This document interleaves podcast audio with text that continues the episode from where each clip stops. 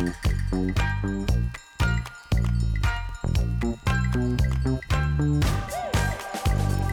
och välkommen till ett nytt avsnitt av Nyfiken på facilitering med mig Patrik Ekstrand. Idag så pratar vi med Frida Panussis som är grafisk facilitator och mötesritare. Det var ett enligt mig väldigt intressant samtal så eh, mycket nöje så kör vi. Hejsan Frida! Välkommen till Nyfiken på facilitering. Så skoj att vara med. Ja, härligt äntligen att få till ett uh, inspelningstillfälle. Så, så om uh, du skulle vilja beskriva vem är Frida Panussis? Ja, det är den här eviga, eviga frågan. Man får inte fundera för mycket på det. Men uh, jag är ju då en, en ritande person som gillar massa olika saker och framförallt nyfiken. Jag älskar ju namnet på podden. Ah. Eh, ja, jag tycker att liksom, jag är en nyfiken person i mina bästa år med två barn, en hund, ett hus och eh, gillar att lära mig saker. Eh, jobbat med kommunikation, marknadsföring eh, i en hejdundrans massa år och driver då Frida Rit som eh, mötesritare, grafisk facilitator och också Sustainability Sprint tillsammans med en kollega, Linda Fragner, som är grundaren då av Sustainability Sprint. Ja, det var väl några korta saker. Ja, spännande. Jag som då, eh, jag har en eh, mor som är väldigt duktig på att rita och eh, har en chef tänkte jag säga, men hon tycker inte om att bli kallad chef. Eh, kollega, och grundare av företaget jag jobbar på, Dandy People, eh, Mia Kolmodin som också är riktigt grym på att rita. Men jag själv är ju helt eh, handikappad på att rita. Så att, eh, jag tänkte att vi kan väl börja i den änden med din grafiska facilitering och hur du, hur du kom in på det och överhuvudtaget kom på att det är någonting man kan syssla med. Ja, eh, det, nu är det ju fem år sedan. Är det ja. ja. Eh, och eh, jag hade ju hållit på med kommunikation och marknadsföring och försäljning och kundmöten och verksamhetsutveckling och sådana saker eh, som jag tycker är jätte, jätteroligt också. Och så träffade jag en kompis från Sälj och marknadshögskolan. Jag brukar göra en shout-out och tacka honom att han, upp, att han liksom lyfte på det här, Thomas då, Näslund.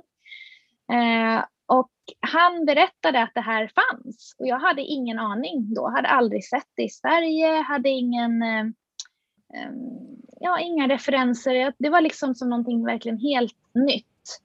Eh, och jag slängde mig ner i, eh, ja, bara, jag brukar säga att jag dammsög internet på det som fanns då, 2016, på grafisk eh, facilitering. Vi har ju några pionjärer i Sverige Eh, som, eh, och de fick jag lite tips om då också. Eh, så Therese Elnestam bland annat som eh, ja, introducerade mig också i det här.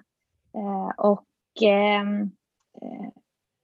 ja, då beställde jag när jag liksom fick reda på det här. Det var väldigt sån här uppenbarelse. Jag är ju lite wannabe-grek med mitt grekiska efternamn. Så jag brukar säga att också det var lite som en sån här heureka eller eureka moment. Att Eh, ja, och jag bestämde där och då på den lunchen att jag ska kalla det mötesritare för att jag tänkte att det var det man gjorde, man ritar på möten. Mm. Eh, för att det finns ju då en väldigt många, kärt barn har många namn. Eh, så att grafisk facilitering är ju det som är när man mer ritar på möten eller under en workshop och att man använder det som en metod och använder grafiska element för att eh, eh för en förändringsresa eller en förflyttning eller idégenerering eller ja, som en slags verktygslåda eh, för workshops. Eh, Medan graphic recording är ju då att man ritar och eh, skapar en samsyn och eh, visualiserar, illustrerar. Ja, ser, det blir många namn ja. på en gång. Hur man, så jag brukar man ritar det som sägs. Ja. Um, och antingen då på iPad eller på papper. Och så finns det de som kallar det för visual practitioners eller eh, ja, scribing kallas det också. Så det finns många namn. Ja. Men inte på svenska fanns det inget då. Så då tyckte jag, mötesrita. Och när du säger rita det som, eh, som sägs, då misstänker jag att det inte är så att man bara liksom skriver ner det som sägs med hjälp av så här snygga bokstäver så att det är de man ritar, utan man liksom visualiserar det på något sätt, eller hur är det man gör? Eller hur brukar du göra? Ja, men exakt. Försöka antingen skapa egna metaforer om, det, om, någon, om den som talar pratar i metaforer. Då mm. kan det ju vara att man, ja, pratas det om fåglar, då är det klart att det kan bli en och annan fågel. Mm.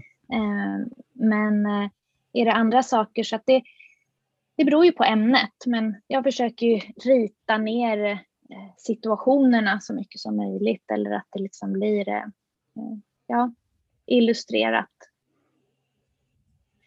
Ja, och om man ska ta det ännu djupare, det som jag också då, det är ju det som också heter då eh, generative scribing. Det är som lite olika nivåer av ritande.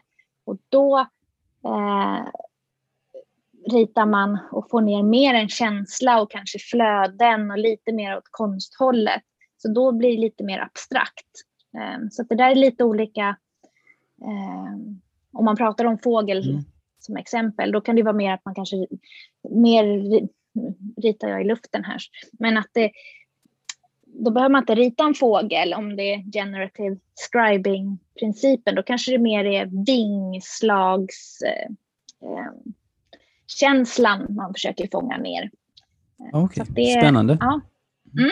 Hur, eh, hur vet man, liksom, är det kunderna som bestämmer det eller är det du i dialog med dina kunder som bestämmer liksom vilken form eller vilken sort ni ska använda av? Ja, nej men det är ju upp till, eh, till kunden och också kan jag rekommendera. Jag, eh, just generative scribing är ganska hårt, eller den kommer ju från Theory U och Processing Institute och liksom den, um, ja, den typen av uh, verktygslåda som finns uh, inom, uh, ja, vad ska man kalla det? Det är en, en changemaker, gud vissa svengelska, men ja, det är en prin principer, det är lite som agilitet okay, ja. hållet fast eh, en, eh, ja, olika verktyg för eh, förändring och prototypande också. Okej, okay, okej. Okay. Som ingår i då Theory Så att om man, är, om man har en facilitator eller någon som är, använder eh, de eh, arbetssätten som finns inom Theory U, då passar det väldigt bra att använda Eh, generative scribing till exempel. Sen är det väl liksom det vanligaste är väl mera vanligt då, eh, mer illustrativ. Okej, okay. mm. spännande. Ja. Om vi backar tillbaka helt och hållet. Du sa att du, du hade en bakgrund inom vad sa du, marknad och kommunikation. Ja, är det precis. något känner att du har, liksom, är det något du har nytta av nu och hur, är det liksom, hur har din nyfikenhet, hit, nyfikenhet tagit dig dit du är nu så att säga? Ja, nej men jag har ju alltid jobbat eh, dels eh, eh i roller som har varit ganska breda om man tänker eh, eh, att det har inneburit både mycket kundansvar, alltså ren försäljning, eh, men också marknadsföring i kombination och eh, framförallt också mycket kommunikation. Eh, och sen också att ha det här liksom kundfokus som ju jag tycker det fortfarande är intressant. Alltså nu har jag ju hållit på med det här i ja, men det är fem, 15 år och att då tyckte man att man hade liksom påbörjat det här med kundfokus. Men jag vet inte hur pass mycket vi har förflyttat oss jag vet inte hur du tycker. Tycker du där har vi kommit? Är vi kundfokuserade ännu? Ja, jag vet inte heller. Nej, inte riktigt tycker Nej. jag inte. Man, man, Nej, oftast tror... tänker man inte hela vägen fram till, liksom, till slutkund och till... Jag brukar ta exempel så här, om man ska köpa en dyr soffa eller om man ska köpa ett jättedyrt golv eller någonting. Och så köper man det hos någon i någon fin butik. Och Sen så ska de leverera det och då använder de en extern leverantör som kanske ställer din svindyra soffa utanför för att de, du inte var hemma när de ringde på eller någonting och så ställer de den utanför på trottoaren och så börjar det regna. Och så kör de därifrån, för de bryr sig inte om det. De har gjort sitt jobb, de har levererat soffan. Och du som kund blir ju inte sur på soff, eller, heter det, leverantörsföretaget, utan du blir sur på de som sålde den till dig. Och, men de har ju liksom inte tänkt på hela, hela resan från sin affär till din dörr eller in till dig. Du ska ha någon som bär in soffan och hjälper dig få den rätt och som kanske till och med kommer med tips och råd om okay, var gör sig den här soffan bäst. Liksom. Det är ju att tänka på kunden. Nej men absolut att vi har ju eh, den här hela, hela kundresan och den är ju någonting eh, jag liksom väldigt... Eh, eh, ja, men jag, jag tycker att det är väldigt viktigt att alltid tänka utifrån kunden. Eh, och också hur man kommunicerar, att kommunikationen är ju också den här liksom, den, genom, eh, den röda tråden genom allt jag har gjort sedan tidigare också. Och framförallt också att jobba med många olika typer av organisationer, för det gör ju jag nu också, att det kan vara allt ifrån en kommun till regioner, till startups, till eh, ja, alltså som nu har det varit från polisen och FN till Microsoft, alltså en väldig, väldig blandning. Oh, det där lät ju väldigt spännande. Polisen ja. och FN. Ja, ja nej, men det är väl, sån, det är väl några av de eh, kunder som jag tycker är liksom lite extra häftiga. Eh, och också att de... Eh, jag blev väldigt förvånad över, alltså man kan ju ha fördomar. Ja, även, även som mötesritare så kan ju sitta på fördomar. Eh, och eh, då är det ju till exempel att ja, men, ja, poliserna de var verkligen så himla himla glada över att få sin verksamhet eh, visualiserad. Mm. Det var liksom, eh, ja, det var nog bland den bästa feedbacken, även om de inte var eh, allt för, ja men det var lite så här inte jättemånga ord, men det var en väldigt stark känsla. Ibland är det ju så att man kan uttrycka saker, att sådär, det här var riktigt bra. Alltså det kan räcka ja. med det, men att när det görs med liksom verkligen så här en fas och eh, ja, flera stycken som, gud vad, vad värdefullt att ja, deras, det, de orden och det de pratade om och då försökte jag ju liksom rita också hur de liksom skulle jobba framåt. Och, eh, ja, få fatt i deras budskap. Och då blir det väldigt roligt också att eh, man får bekräftelse för att okej, okay, jag har förstått det här rätt. Ja, ja. Mm. Har du, kan du berätta någonting om vad du gjorde där eller för FN eller så, eller det är liksom hemligt? Um, ja, polisen är väl lite, vi har lite små internt. Alltså jag kan ju ja. bara säga att det, finns, det finns positivt hopp för polisen. ja, det är skönt. Uh, ja, uh, så att det är väl, men, och det är ingen och det, eh, de pratar ju mycket också om eh, att eh, jobba tillsammans och det är ju ingen hemlighet. För det Nej. handlar ju också om att eh, de är ju ganska uppdelad och, eh, organisation liksom och att det eh, ja, så det var väl ett av de ledorden bland annat. som jag undrar om de inte hade nyfiken också nu när jag tänker efter. Ja, spännande. Ja, och det är väl mm. också, alltså nyfikenhet tror jag är ett verkligen också up, upcoming eh, utifrån vad som är, är viktigt och för lärande och utveckling mm. och så är just att vara nyfiken. Eh, så att det, men för FN, då var det faktiskt för lokala Sverige, så deras avdelning eh, som jobbar med kommuner som är kopplade till globala målen. De har liksom en egen eh, en, en organisation inom eh, FN-förbundet okay. som är eh, ja, fokuserad på kommunernas eh, eh, framsteg och eh, utveckling för att jobba eh, med de globala målen. Mm. Så det var också, eh, ja, det finns på deras, på lokala Sverige, deras hemsida och så också. De, det jag ritade därifrån. Så det var, ja, bland annat så var Johan Rockström med och delade om nuläget och också de förhoppningar vår eh, stora eh, klimat... Är han professor? Ja, men klimatforskare. Jag har att han är det. Ja, mm. ja men klimatforskare. Ja.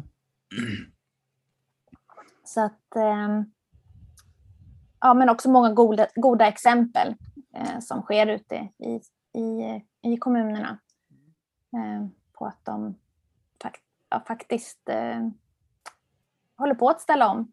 Eh, även om det behöver gå snabbare. det tar lite tid.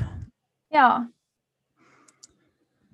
Så det, på tal om det du sa om nyfiken förresten, jag hoppas att nyfiken och snäll blir liksom ord som man använder eh, mer framöver och eh, som kan stå i så här, när, man, när, folk, när folk söker, eh, eller så här, när man söker, söker anställda, att det ska stå eh, är du en snäll och nyfiken person, hör av dig till oss. Det hade varit trevligt. Ja, men det har jag faktiskt sett. Eh, just snäll, som, eller så är det också den här perceptionen att man söker sig till det som är... Men jag har sett det sticka ut några gånger.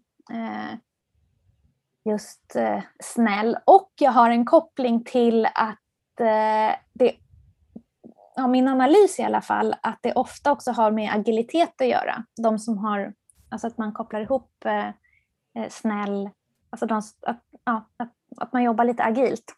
Ja, ja precis, det känns eh, som det. Så, ja. ja. Så att eh, det är, ja, men jag tror ju också verkligen på snäll, snällhet och men som, jag brukar faktiskt prata om, ibland är inte livet så svårt eller saker och ting eh, lite också utifrån så barnets, barnets perspektiv. Eh, min dotter sa ju tidigt, liksom, antingen så är man, hon hade lite svårt också mm. med eh, bokstäverna, så det blev näll eller gum. Man, antingen var man ju näll alltså, mm. eller så var man gum. Mm.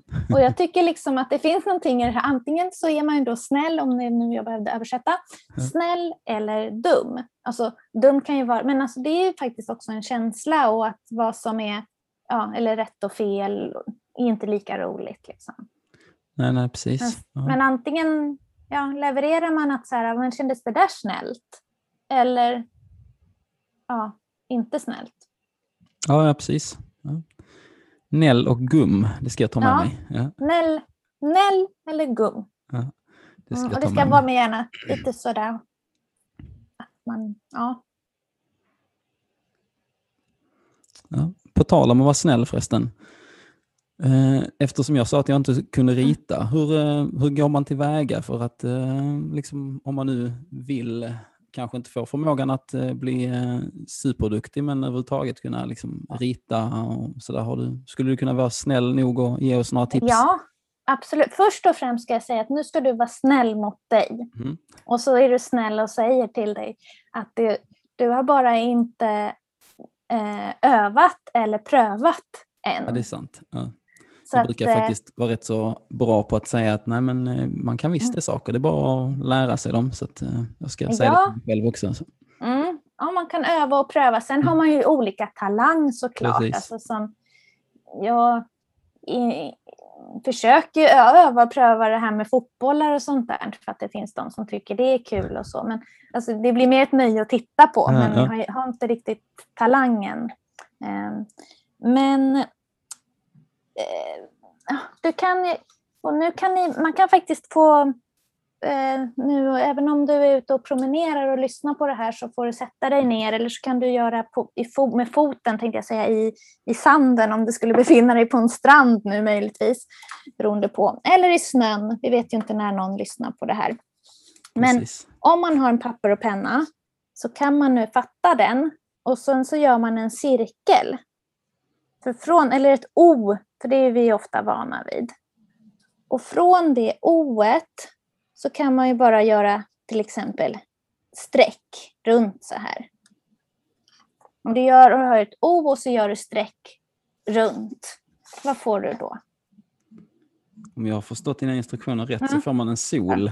Ja. Exakt! Titta, nu kunde du ju. Ja. Den är jättebra att använda. Ja. Och då kan du ha den som en slags mindmap. Så nu kan du det.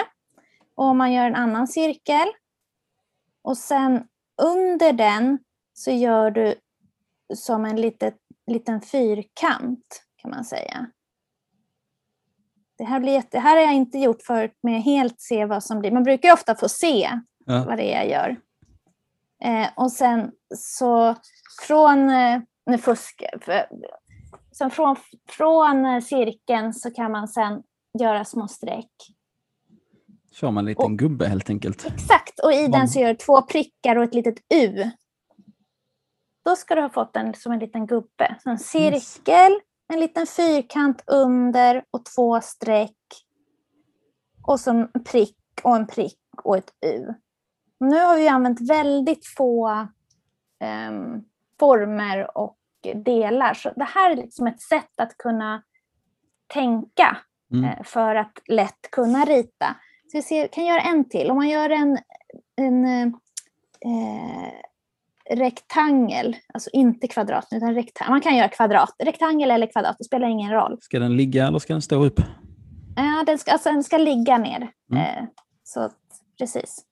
Och sen i den, från översta hörnan till andra hörnan, så gör man som ett V. Då borde du också ha fått någon, någonting. Borde det också bli någonting. Det blir spännande att se. Nu tror jag att jag gjorde helt fel, eller? Ja, nästan. Ja. Om du sätter ett litet ett-tecken där inuti, vad tror du att det blir då? då? Ett brev? Ja, precis. Ja. Nu var vi tvungna att hjälpa till lite för ja. proportionerna. Men då kan man hjälpa till med en liten symbol. Så mm. med väldigt ehm, eh, enkla eh, streck så går det att eh, ja, få till saker som man kan rita. Och just att tänka eh, mer på formen vad saker och ting är. Alltså som att om man tänker sig hur ser en dator ut? Ja, men den är ju också av fyrkanter ofta, mm. eller rektanglar. Hur ser en telefon ut? Det är också en rektangel. Fönster är ett rektangel eller en kvadrat. Eh, väldigt mycket som är gjort av människor är ju faktiskt rektanglar och kvadrater. Ja, När vi ritar ett hus, Precis. kvadrat med kvadrat, eller ja, rekta, eh, Triangeltak. Ja, med ett triangeltak. Se, ja. nu har du fattat det. Ja. Så nu är det bara ut och rita. Nu är det bara ut och rita. Så det är så man ska tänka, alltså man kör sina här, vad heter det, formerna som man har lärt sig i skolan när man var liten. Ja. Kvadrater, eh. rektanglar och cirklar och så sätter man ihop dem och drar lite streck och sätter ögon. Exakt. Ja. Och till eh, man kan sedan lägga på att liksom lite S, alltså att man tänker som bokstäver att för saker och ting. Man kan ju som, istället för solen där om man tyckte att det här med streck runt solen var ju väldigt, kan man ju tänka sig att man gör som lite S-aktigt, långa S.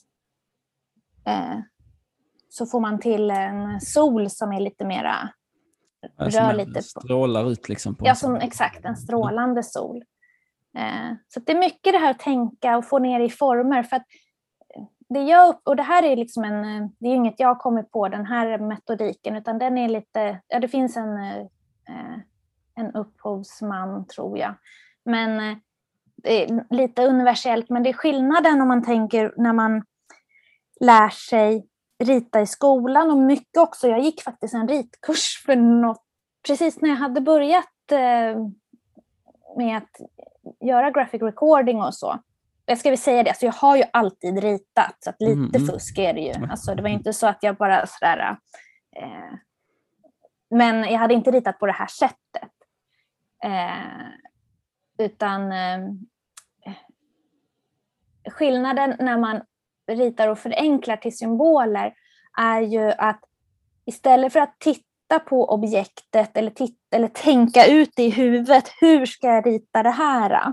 Mm så har man en annan eh, utgångspunkt att försöka se vilken form är det närmast istället. Mm, mm. För att det blir annars, alltså, ja, annars blir det mer konst. Det kan man också göra, men det är eh, eh, ja, en annan grej helt enkelt. Så ja, så, det, så du, har, du kunde rita, eller så här, du, du, tyckte om att rita när du började. Men hur gjorde du sen? Var det liksom, gick du olika kurser eller har du lärt dig helt själv? Eller hur? Eh?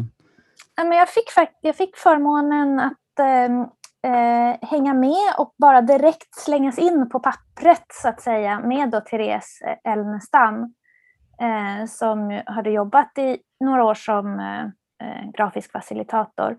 Och jag ja, men det var verkligen eh, en, eh, och också bästa sättet att bara det här, precis som du nämnde kring podden, att mm. det handlar om att göra, det handlar om att bara slängas ut. Och det har jag ju liksom nu i efterhand också läst på mycket och också träffat dem som att eh, det blir lätt att man går en kurs och en kurs och en kurs och en kurs, fast det handlar ju väldigt mycket om att slängas ut. Precis som i facilitering, att mm. du behöver, du behöver liksom använda verktyget. Um, så att, vilken gäst var det hos dig som sa också att det här första, var det Christ, Christian? Christ, Christer kan det nog vara. Ja, men jag tror det var Christer som sa också att, eh, att de första gångerna man gör någonting så är det kanske inte så himla perfekt. Liksom. Alltså, Precis. Eh, och det kan jag verkligen, jag kan gå tillbaka och titta på, på det jag gjorde de första gångerna. Mm. Det var ju verkligen inte, alltså det är ju, det är ju skämskudde i princip. Men man har liksom lärt mig. Eh, och det var ingen som visste hur det skulle vara. Och, och de, det var eh, helt okej. Okay. Eh, Men det kan ju bara bli bättre. Ja.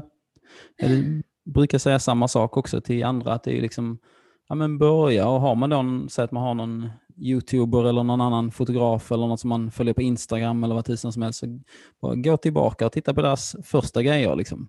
Ja. Då ser man att ribban är ju mycket, mycket lägre för att det första de har gjort är oftast ja, flera mil skillnad mot vad det ser ut nu och då kan man ju tänka att då finns det mycket annat som man ens inte har lagt upp eller visat för att det har varit eh, för dåligt har man tyckt själv som man inte vill visa det. Så det är liksom, istället för att jämföra med hur de är nu när man precis startar själv, så kolla på hur de var när de precis startade också. Så känner Exakt. man att ja, men okej, det här är ungefär på den nivån jag är kanske. Och så får man lägga några timmar till och så blir man bättre och bättre och så testar man och gör fel och så gör man om till nästa gång och så lär man sig någonting och så ja, blir det bättre och bättre.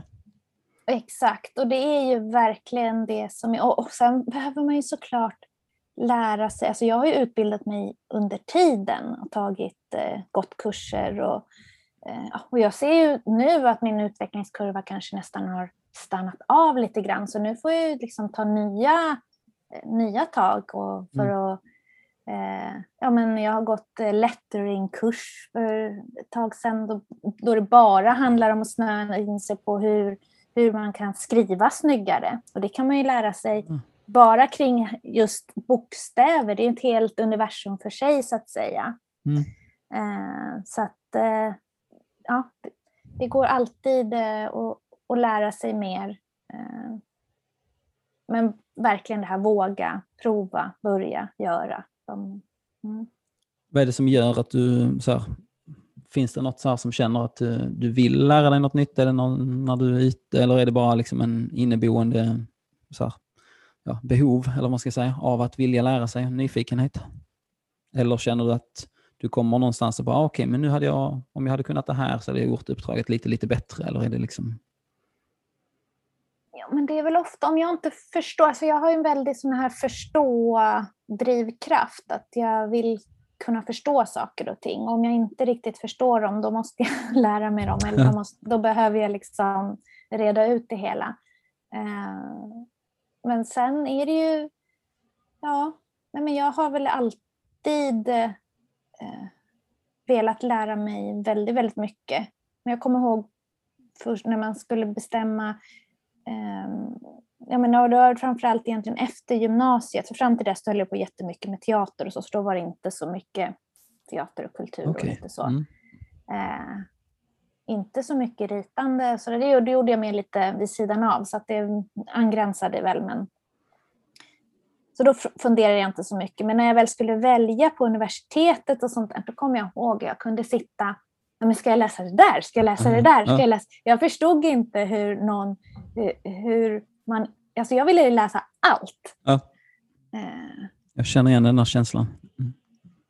Medan vissa är sådana här, nej, inte intressant, inte intressant. Eller ja, jag visste väl att så här, tandkirurgi ungefär, att nej, det var kanske inte... inte men, riktigt det, men allt nej. annat. Ja. Så att... Eh, Ja. Ja, nej, men det, är, det är alltid liksom, ja, men intressant och spännande att lära sig nytt och hitta nya saker. Ju mer man lär sig, desto mer eh, märker man att eh, ja, oj, det här visste jag inte och det där visste jag inte och sådana saker. Så. Ja, och också att man kan få nya perspektiv på gamla sanningar. Mm. Ehm, Det tycker jag är väldigt intressant eh, att se. Och sen samma sak det här med att, ja men som är ganska insnöad nu kring facilitering och att man liksom eh, är... Ja men det blir ju lätt det här att man är i en bubbla eh, och att man tar för givet också om man har varit mycket i de miljöerna. Att nej men just det, för det var faktiskt för ja, det var någon månad sedan, då var vi faktiskt, det var i, i, när vi hade lite med mötesklappen, vi har ju haft några andhål, eh, så det var väl i, då man fick mötas lite grann, alltså då möttes vi sådär på distans i ett rum. Och så skulle det vara liksom en workshop. Nej förresten, de var i ett rum, jag var digitalt, så var det var blandat. Mm, ja, men det var i alla fall den här bland, liksom som en, och ett in, utan facilitering så att säga. Alltså jag var tillbaka i verkligheten. Mm, mm, ja. Hur, eftersom jag nu är i så mycket att det oftast är en facilitator när jag är med, eh, så är ju jag så insnöad i att ja, det finns så här liksom regler, det finns förhållningssätt, det finns eh, en agenda, Ja. det finns eh, vem gör vad, det finns någon som håller koll på tiden, eh, vi har ett syfte, det finns tydlighet, vi kommer ha lite lekfullhet, det finns en liksom eh, tillit här i gruppen, för den har man byggt upp, eller den har man hanterat i alla fall, eller någon har funderat på den.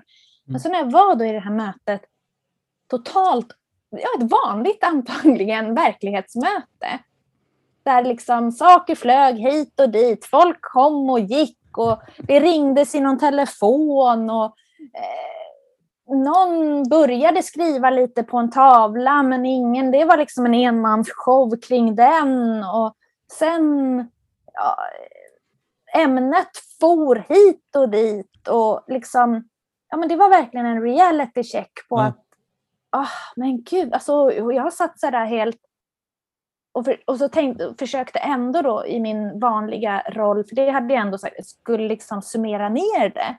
Ja.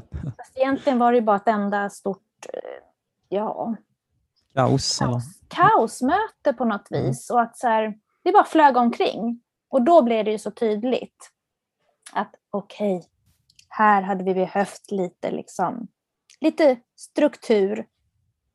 Eh, som ju faktiskt eh, facilitering är. Mm. Om vi stannar lite vid det förresten, vid facilitering. Vad skulle du säga att facilitering är? Eller hur beskriver du det? Ja, men det handlar ju mycket, jag tänker att det finns ju inte, eh, eller har du något förslag på eh, det, det engelska liksom holding the space ordet så att Mm. säga. Den, för det tycker jag väl är, eh, och underlätta är väl en av Mm. definitionerna. Eh, och skapa utrymme känns väl som den här holding the space. Alltså man skapar utrymme för alla i mötet att uttrycka sig. Ja, exakt. För det är facilitering väldigt förknippat med eh, för mig. Men också eh, att ha den här eh, ja, men nyfikenhet går ju väldigt ihop med facilitering. Och också att eh, den här demokratiseringen, att få alla, alla ska få komma till tals. ehm, och att faktiskt liksom möjliggöra ja, men utveckling och att förändra och att, grupp, att leda gruppen mot gemensamma mål eh, på ett eh, lekfullt sätt. Det är väl Mm. facilitering för mig. Så att det är någonstans den här blandningen också av eh, kreat ja, men jag skulle säga att det kan också vara lite kreativ röra med struktur. Så det blir så här två väldigt två blandade saker. Eh, men att utan varandra så blir det inte så bra. Alltså om det bara är kreativ röra och blir det bara struktur. Eh, för där har man ju också det var ju också på ett sånt reality check, sånt här riktigt ordförandemöte om man säger, då det är sån här bonk, bonk, man slår med klubba och har vi gjort dagordningen, bonk, bonk. Det kan man ju säga är ytterligheten. Ja. Eh, och att facilitering har ju tagit vissa delar av den strukturen. Ja. Att faktiskt ha lite ordning och reda, men det behöver inte vara tråkigt för det. Eh, Nej, absolut inte. men att det finns ju en viss demokratisering i de här point point mötena. Mm. Alltså, då är det ju så här, är vi eniga om det? Och så säger alla ja, för det har man redan. Alltså, Ja. eh, den här formalien. Men att man faktiskt kan komma till det i ett möte. Eh, men utan att det liksom är på konsensus så att säga. Eller alltså att Precis. man, ja. Eh, så ja, sen är det ju som du säger, det här med, för jag kommer ihåg andra arbetsplatser jag har varit på, där är det så väldigt stor skillnad på hur, vilken person man blir, eller vilken person jag blir, beroende på hur, hur mötet är eller hur mötesformen är. Finns det en struktur som man vet att okej, det är någon som, så, kan jag, så blir jag jättegärna den här kreativa personen. Som, men finns det ingen mötesstruktur överhuvudtaget, ja, men då är jag den som kommer in och liksom, okej, nu måste vi sätta någon sorts struktur här så att vi har någonting att följa och liksom, så att det blir liknande möte varje gång om man då ska ha ett veckomöte eller någonting sånt. Så att det inte bara är okej, nu sitter vi här, vad ska vi göra? Och så pratas Mm. det om något helt annat än vad man egentligen ska prata om och så är det bara slöseri med tid. Ja, precis. Eh, och bara det här också fokus eh, under mötet. Jag brukar ju tipsa om den här eh, liksom parkeringsplatsen. Jag känner att den egentligen känns inte så uppdaterad. Man får hitta på någon ny metafor. Men att man faktiskt håller sitt fokus. Eh, och att eh, ja, vissa saker som inte hör hemma till mötet. Jag brukar rita upp då den som en att man bara har, om man, om man nu är fysiskt i ett rum, men man kan ju ha den i en digital eh, eh, dokument eller vad som Precis. helst. Just det här, eh, okej, det där var en viktig poäng, alltså just så att möten så lätt kan sväva iväg till någonting Mm. som inte har med mötet att göra, men som är Precis. viktigt. Och att man då kan bara sådär, ja, parkera dem. Måste hitta på någon annan metafor, den känns inte uppdaterad. Det är också när man kör eh, designsprintar och sånt, så det är också väldigt viktigt. Vi hade en, vi körde en Hack Week för ett tag sedan med en, eh, en kund. Och då hade vi liksom i början på veckan så hade vi på Miro-brädan att okej, men här i det här isberget parkerar vi allting, liksom det vanliga jobbet. Så vi bara, det ska vi inte fokusera på den här veckan, eh, utan vi ska fokusera på den här designsprinten eller hackweeken och då är det bara det vi fokuserar. Så kunde man liksom ta sina saker, vad är det jag egentligen ska syssla med, vad är det egentligen jag gör och så bara parkerar man det där. Så behöver man inte tänka på det utan man hade det där så länge och så fick man plocka upp det veckan efter istället. Det är också väldigt så symboliskt och bra så att man inte sitter och tänker på att men jag borde göra något annat. Nej, det borde du inte för att den här veckan så borde du göra det du gör nu. Exakt, och det där är ju faktiskt, det finns ju faktiskt massa forskning. Man kan tycka att det där är så här, ja, kanske, kanske, det kan ju kännas för vissa lite så där nästan löjligt. Mm. Men vi är ju väldigt, eh, alltså hjärnan förstår ju inte att sluta tänka på någonting som Nej, den nej. har bestämt sig för. Så det är verkligen ett sätt att hjälpa den. Eh, eller som att så här braindumpa ner, sån, det kan ju också vara en, en sak. Eh, att man bara just det här få ner sakerna. Mm. För då kan vi lättare släppa det för att sen kunna ha fokus. Så det är ju väldigt, väldigt smart.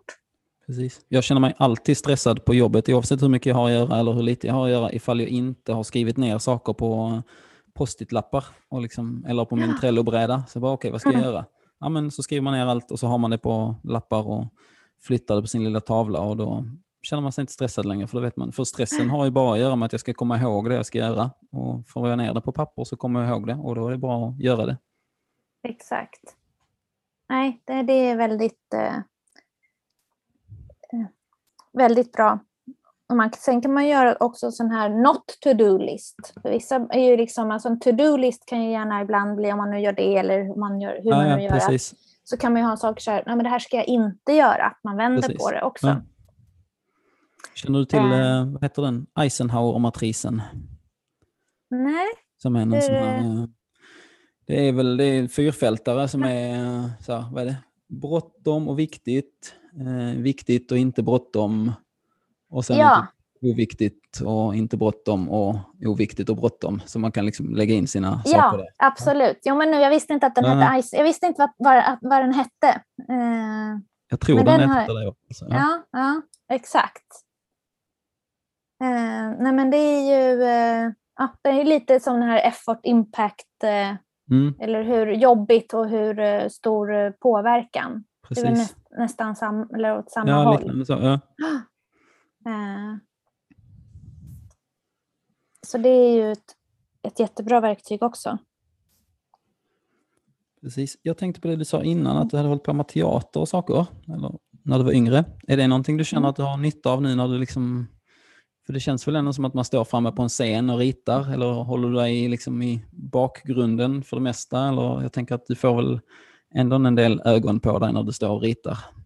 Mm, ja, absolut. Eh, väldigt olika. Ibland Mhm. hänger jag bak med teknikerna och är mer i den liksom, teknikercrewet. Eh, och att det liksom poppar upp. Eh, var någon gång för ett konsultföretag, ett ganska globalt stort konsultföretag. Det, det kan jag inte säga vilket det var. Men eh, i vilket fall som helst. Så under lunchen, då hade jag verkligen var, suttit bak bland teknikerna. Så var det någon som sa They have a really great feature with this uh, animated uh, feature coming up. Eh, jag bara, hello, I'm the animated feature coming. Uh, the I, the drawing AI, it's me. Hi. oh, I thought it was really impressive. Så, här. så det, var, det, var lite, det var en liten rolig grej. Att ja. de trodde, eller jag, jag förstår inte hur de tänkte att det, eller att det var förberett kanske på något vis. Eller, ja. Eh, Men ibland sitter jag liksom på scen och ofta så är det ju att i de, nu de digitala mötena så kopplas jag ju upp och då säger jag ju hej hej och Ja, ja, får precis. kanske presentera lite kort eller liksom summera ju. Eh, Så ibland blir folk förvånade att jag också kan prata, inte bara rita. Mm, Nej. Så, mm. Nej, men självklart är ju att teaterdelen att ha en vana av att ha ögon på sig och stå på scen och så. Det är, ja, nej, men jag känner mig väl hemma där också. Det är ju ganska bra. Mm. Eh, Så att det inte blir att jag skulle liksom tycka att det var jobbigt eller sådär. Mm. Precis.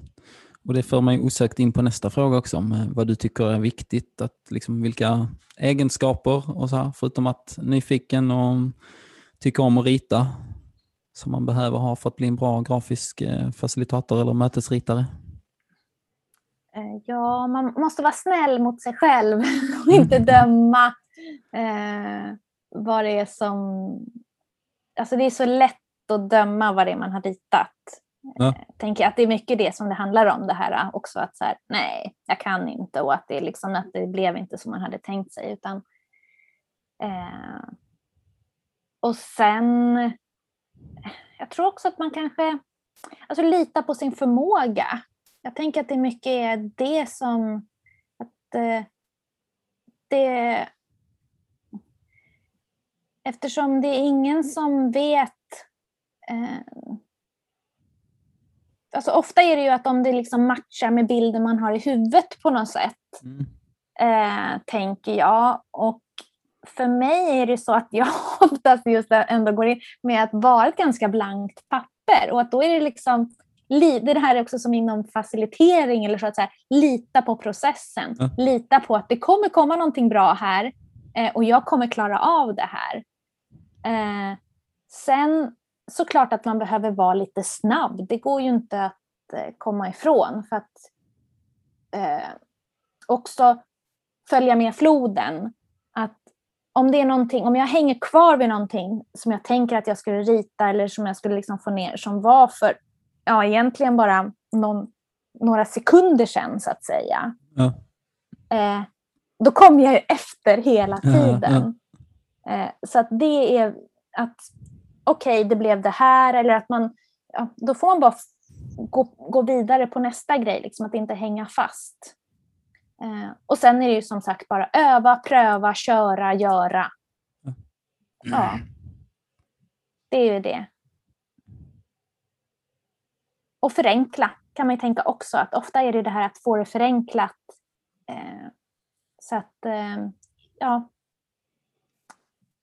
Det är ganska enk enkelt att krångla till det, men svårare att få det eh, enkelt. Så att, Mm. ja. Tänk att man måste inte bara vara liksom snabb i handen, man får vara väldigt snabb i huvudet också. Bara, okej, vad är det de egentligen säger? Mm.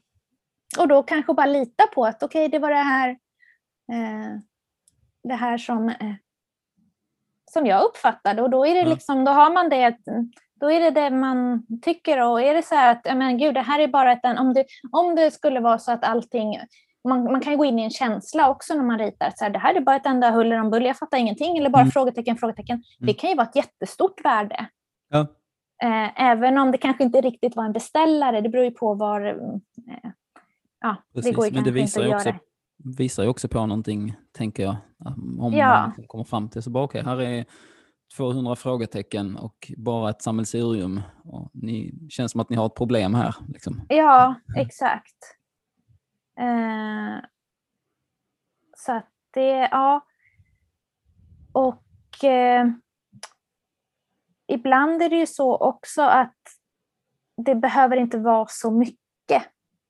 Det tänker jag och kan titta tillbaka. Men oj, vad många grejer. Alltså, Mhm, mm. eh, det har jag en kollega, eh, Nicky, eh, i, ehm, på eh, Big Brain Agency. Hon tycker jag gör väldigt kraftfullt utifrån att gör väldigt enkla grejer. Hon plockar bara ut väldigt, liksom, nej, men lite mer min- minimalistiskt. Och det är väldigt kraftfullt och snyggt. Också, alltså att det behöver inte vara så mycket, för det finns ju vissa stilar, eller vissa, liksom nästan transkriberar och skriver ner ord för ord i sina liksom, graphic recordings så Okej, att det blir ja. så väldigt, väldigt mastigt. Eh, Så det finns ju verkligen hela spektrat till att eh, Nicky Sm- Smith, Smith, ska jag säga det nu då? Och, ja, men Big Brain Agency i alla fall som Okej. jag eh, också samarbetar med. Eh, som då gör liksom, ja, men mer ikoniskt så att säga. Ja. Eh, och det tänker jag också utifrån att vi eh, blir översköljda av information och då är det också väldigt skönt att så här, att okej, det, liksom, det var de här tre grejerna och så något litet till. Precis. Ja. Ja, superspännande. Mm. Då är det bara för folk att eh, börja rita massa symboler och grejer och öva där hemma och bli eh, grafiska facilitatorer och mötesritare hela bunten, ni som lyssnar på det här. Absolut. Du får massa det, sköna kollegor.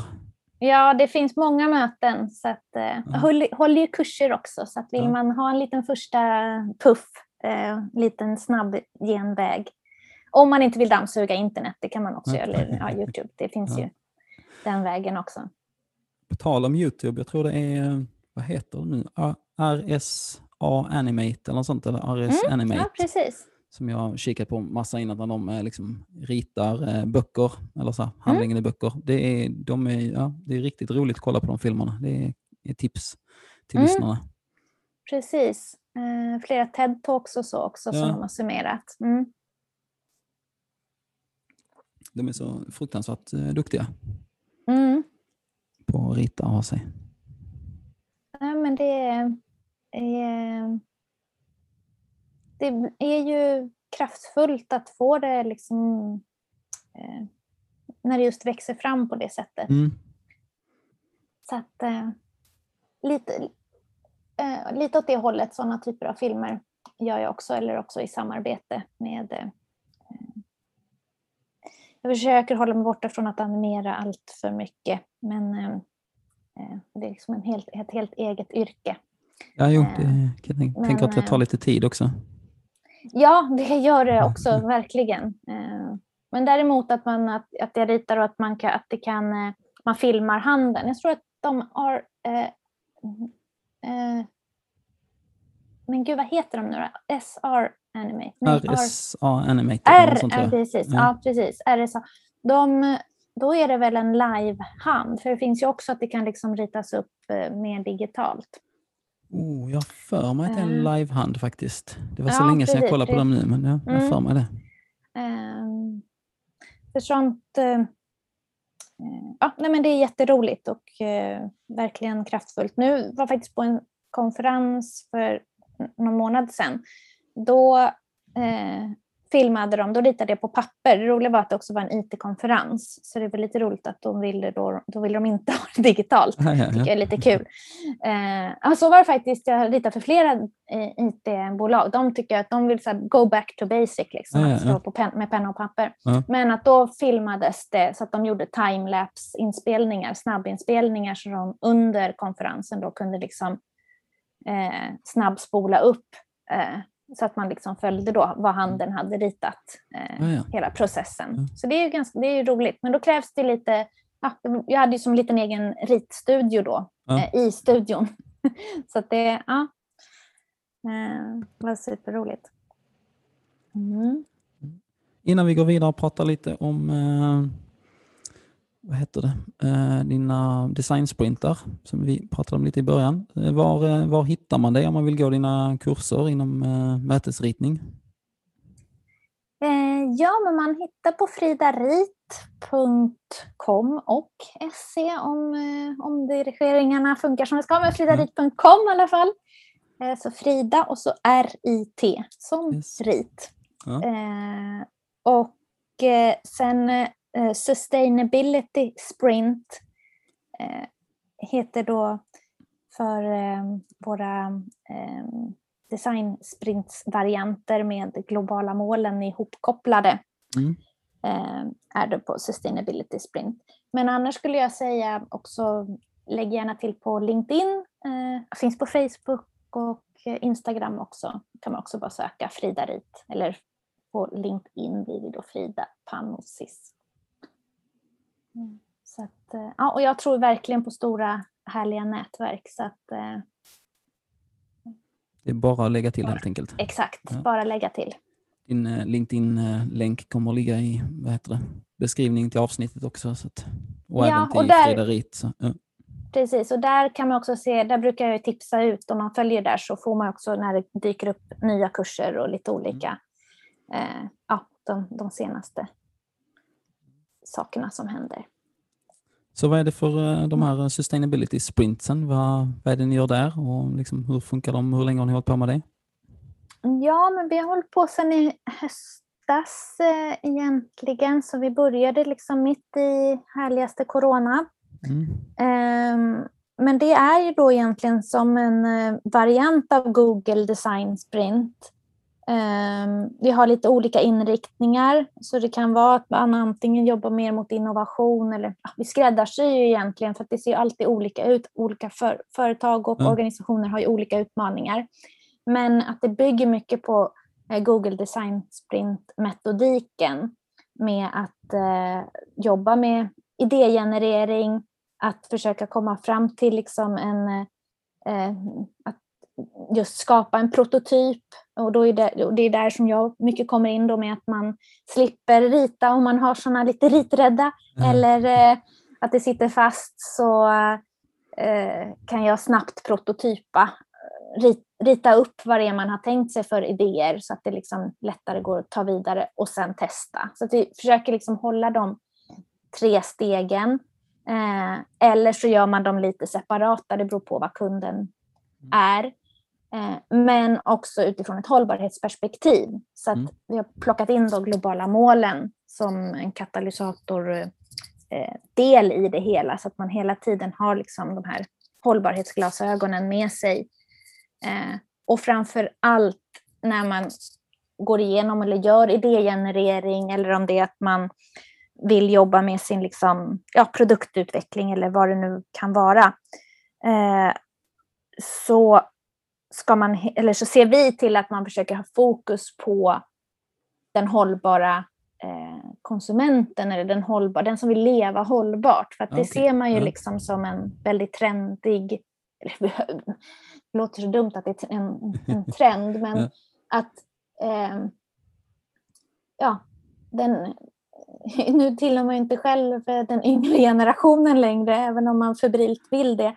Eh, men där finns det ju liksom, alltså hållbarhet är ju inte en, en, frå en, icke, en fråga eller icke-fråga. Det är liksom en självklarhet Ja, för kommande generationer Ja. och kommande konsumenter. Så det försöker vi också hela tiden få med då, i den här idégenereringen. Så att det blir ett, eh, ja, ett ordentligt kundfokus för saker som ska göra nytta för planeten. Mm. Ja, Mm. det låter ju superbra och superspännande. Ja, så det är, ehm, ja, det är jätteroligt eh, att eh, ja, kunna få bidra. Alltså just också att använda den liksom, metodiken som ju, ja, jag upplever inte att alla pratar ganska mycket om så agila processer eller, agi, alltså, eller också eh, ja, vad säger man, design thinking. Och, eh, men det är inte jätte jättemånga som tar steget ut och verkligen gör det. Eh, Nej, det är oftast att det, det, ja, men det, är- så är det. pratas mer än vad det görs. Ja, exakt. Så det här är att göra det. Ja. Och det låter ju som att det är någonting som verkligen behövs också om man ser på många företag som kanske inte alltid tänker på ja, men det hållbara. Nej, och framförallt att hållbarheten kan bli ett litet sidoprojekt. Ja. Alltså lite som, eh, vi ser det väl som att det kommer bli det liksom nya digitalisering. Att digitalisering var ju också ett tag som något som IT-avdelningen höll på med. Precis. Eh, nu ser man väl att det är, hållbarhet är något som hållbarhetsansvarig eller någon sån här, ja, något som vi kanske, ja det verkar som Mm. att det händer. Eh, men att det här är någonting som verkligen också måste in i hela organisationen och engagera flera medarbetare. Precis. Och det, var, det var som innan när man skulle ha någon sorts eh, CSR-projekt var viktigt men eh, det var liksom inte Mm. någonting som oftast genomsyrade inte hela organisationen utan det var bara okej, ja men vi har den här lilla saken här vid sidan så kan vi säga att vi gör CSR-arbete och sen så här borta på andra sidan så startar vi massa kolgruvor eller gör något annat skojigt. Så. Ja, precis. Eh, och det kommer inte att hålla. Eh, Nej, nej. Det tror jag inte. Ehm, ja, Ja, då har jag väl eh, någon liten standardfråga här också. Vem du skulle vilja lyssna på som gäst i podden? ja, men jag tänker att jag ska tipsa om min kollega helt enkelt, Ja. Linda Fragner. För hon är ju ännu mer insatt i just kring hållbarheten och innovation och facilitering. Eh, och det är hon som är liksom eh, urmoden till eh, Sustainability Sprints. Och ja, en, en riktig fena på just eh, Google Design Sprint-metodiken och facilitering och sånt där också. Så att eh, ja, henne tycker jag att man ska vara riktigt nyfiken på. Eh, ja. Någonting du vill tipsa om? Så här rent allmänt? Ja, då ska jag göra, nu beror det ju på när man lyssnar på det här då som alltid. Eh, Men vi kommer faktiskt vara med, vi kommer hålla en hubb för A Sustainable Tomorrow Okej, i september. Som Mm. ju då är en digilogkonferens som sänds från Helsingborg. Eh, Aha, min men- hemstad alltså. Ja, exakt. Din hemstad. Så det är ju eh, Bosse, Bosse i Helsingborg. Känner du honom? Nej, det, det gör jag inte. Nej. Eh, för vi ska se, ja men eh, jag tänkte att jag skulle säga rätt datum. Ja, 16 september är det, så då kommer det vara så att sändningen är från, ehm, från Helsingborg, men man kommer ha lokala hubbar. Så då kommer vi vara hubbarrangör i, en av hubbarrangörerna i eh, Stockholm tillsammans Ja, okej. med Vakansa och eh, ehm, Removement.